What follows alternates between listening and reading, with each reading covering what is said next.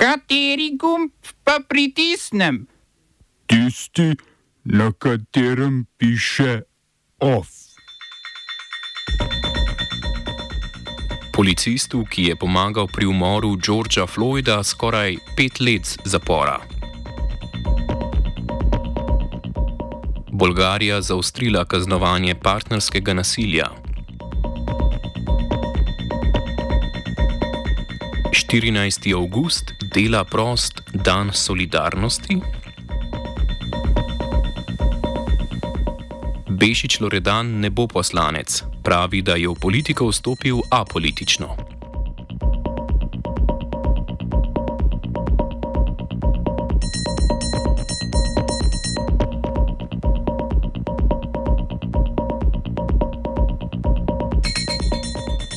Bolgarski parlament je potrdil spremembe zakona o varstvu pred nasiljem v družini in spremembe kazanskega zakonika.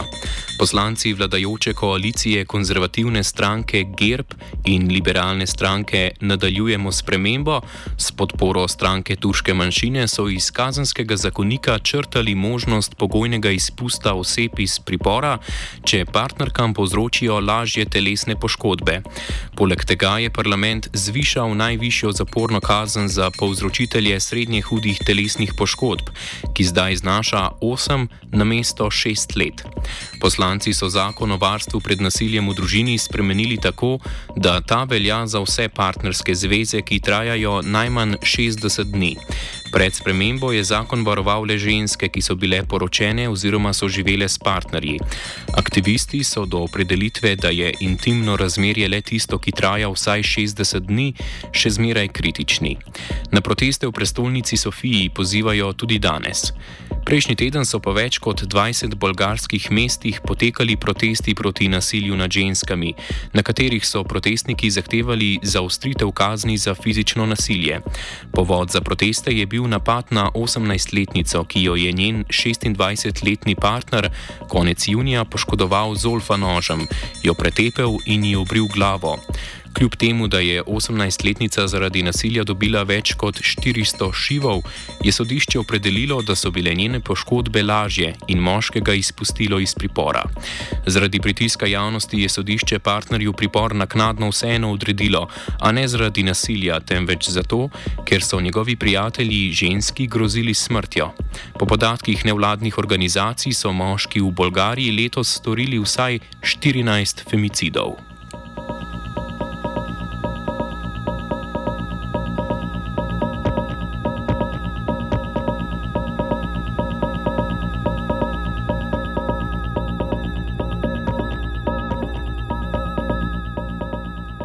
Italijanska vlada je sprejela dekret, s katerim je odobrila 40-odstotno enkratno dajatev na presežne dobičke bank. Vlada dajatev, s katero naj bi zbrala dodatni 2 milijardi evrov, utemeljuje s pomočjo družinam. Gre za dajatev na presežne dobičke zaradi povečanih obrestnih mer v letošnjem in lanskem letu, glede na leto 2021. Banke bodo morale dajatev, ki ne sme presegati četrtine vrednosti banke, plačati do konca junija naslednje leto.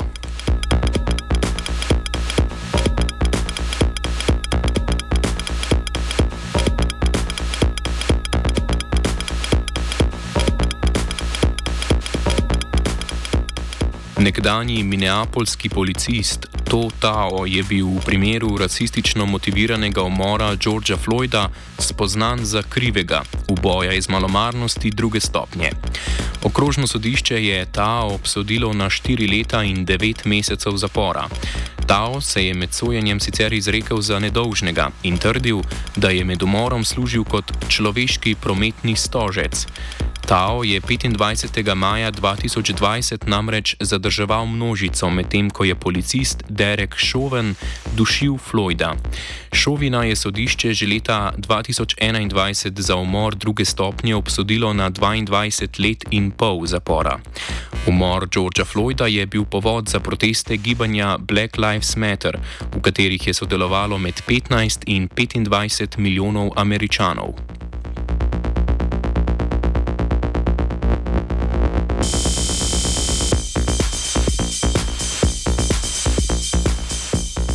Ostajamo na sodiščih Združenih držav Amerike, kjer je sodnik Newyorškega sodišča Louis Kaplan zavrgal tožbo nekdanjega predsednika Donalda Trumpa proti kolumnistki Jean Carroll.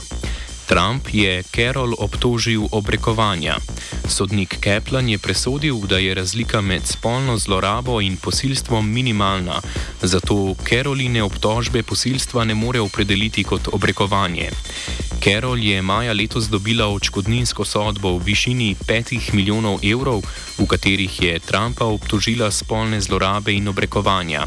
Carol ga, seda, Carol ga sedaj spet toži obrekovanja za še 10 milijonov evrov, saj jo je po obsodbi znova javno zmerjal. Trump je za obrekovanje tožil Carol potem, ko je porota ugotovila, da jo je spolno zlorabil, ne pa posilil. Iz Trumpove tožbe torej ne bo nič.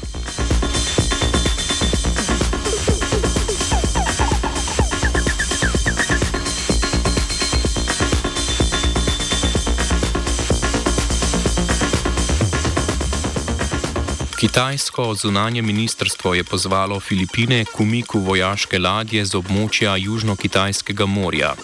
Poziv prihaja potem, ko so Filipini kitajsko obalno stražo obtožili, da je z vodnimi topovi zalila vojaški oskrbovalni čovn Filipinov. Ladjo Sierra Madre, ki jo je ameriška mornarica uporabljala med drugo svetovno vojno in vietnamsko vojno, od leta 1999 Filipini uporabljajo kot svojo vojaško bazo v otočju Spratli oziroma Nanša. Otoki se nahajajo v Južno-Kitajskem morju, v katerem svoje teritorijalne pravice uveljavljajo Kitajska, Filipini, Tajvan, Brunei in Malezija. Združene države Amerike s pošiljanjem svojih ladij v morju izvajajo tako imenovane operacije za zagotavljanje svobodne plovbe. Smo se osamosvojili, nismo se pa osvobodili. Naslednje število je še 500 projektov izpiljene modele, kako so se strani nekdanje LDS rotirali. Ko to dvoje zmešamo v pravilno zmes, dobimo zgodbo o uspehu. Takemu političnemu razvoju se reče udar. Jaz to vem, da je nezakonito, ampak kaj nam pa ostane? Brutalni obračun s politično korupcijo.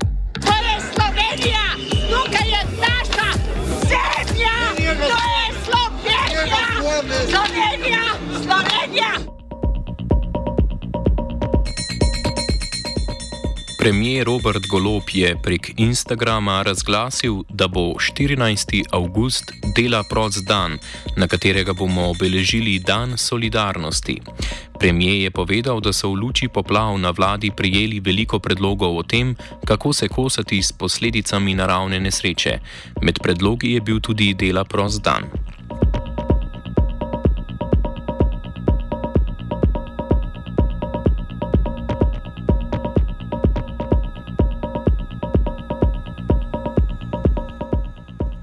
Sindikat Mladi Plus je vlado pozval k vključitvi prekarnih delavcev v sklop ukrepov za pomoč oškodovanim v poplavah. Za prekarce namreč ne veljajo zakonske določbe, ki delavcem zaradi više sile, kakršna je naravna katastrofa, omogočajo neprihod na delo in plačan dopust. Sindikat želi zagotoviti, da bodo zakoni veljali tudi za študentske delavce, male podjetnike in tiste, ki delajo preko avtorskih in podjemnih pogodb. Sindikat je poleg tega vlado pozval, da za posameznike, ki prek civilnih ali gasilskih društv pomagajo omiliti posledice poplav, omogoči izostanek od dela brez sankcij in jih vključi v solidarnostne sklade.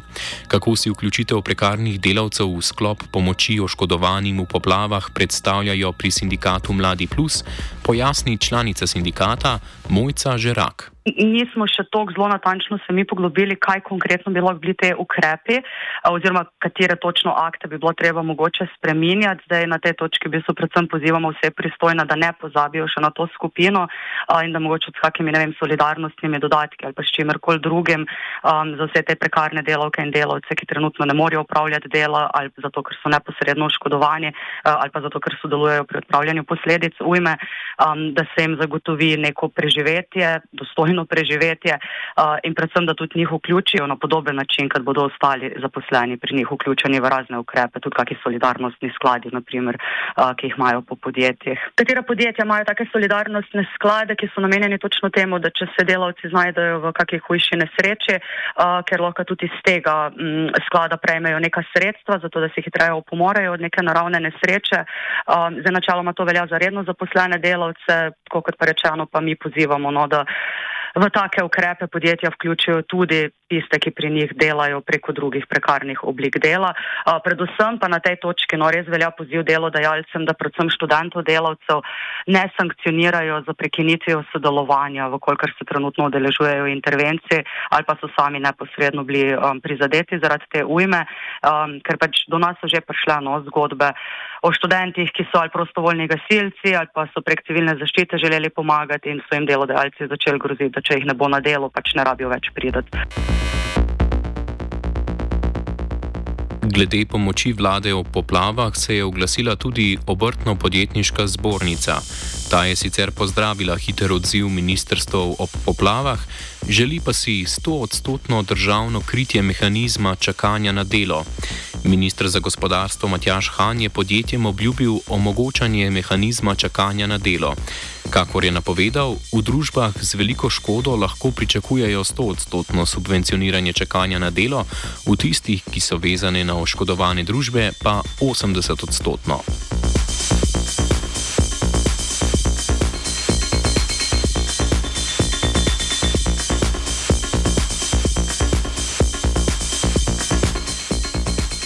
Nekdani zdravstveni minister Daniel Bešič Loredan je v pismu državni volilni komisiji naznanil, da ne bo prevzel mandata nadomestnega poslanca in da se v celoti umika iz politike. V pismu je zapisal tudi, da mu objektivni razlogi za odstopno izjavo, ki mu jo je v podpis dal premijer Golob v začetku julija, niso znani. Bešič Loredan se je v pismu opravičil voljivcem, ki jih je zavrnitvijo poslanskega mandata more biti razočaral, ob tem pa je dodal, da je v politiko vstopil apolitično ter iskreno in z dobrimi nameni.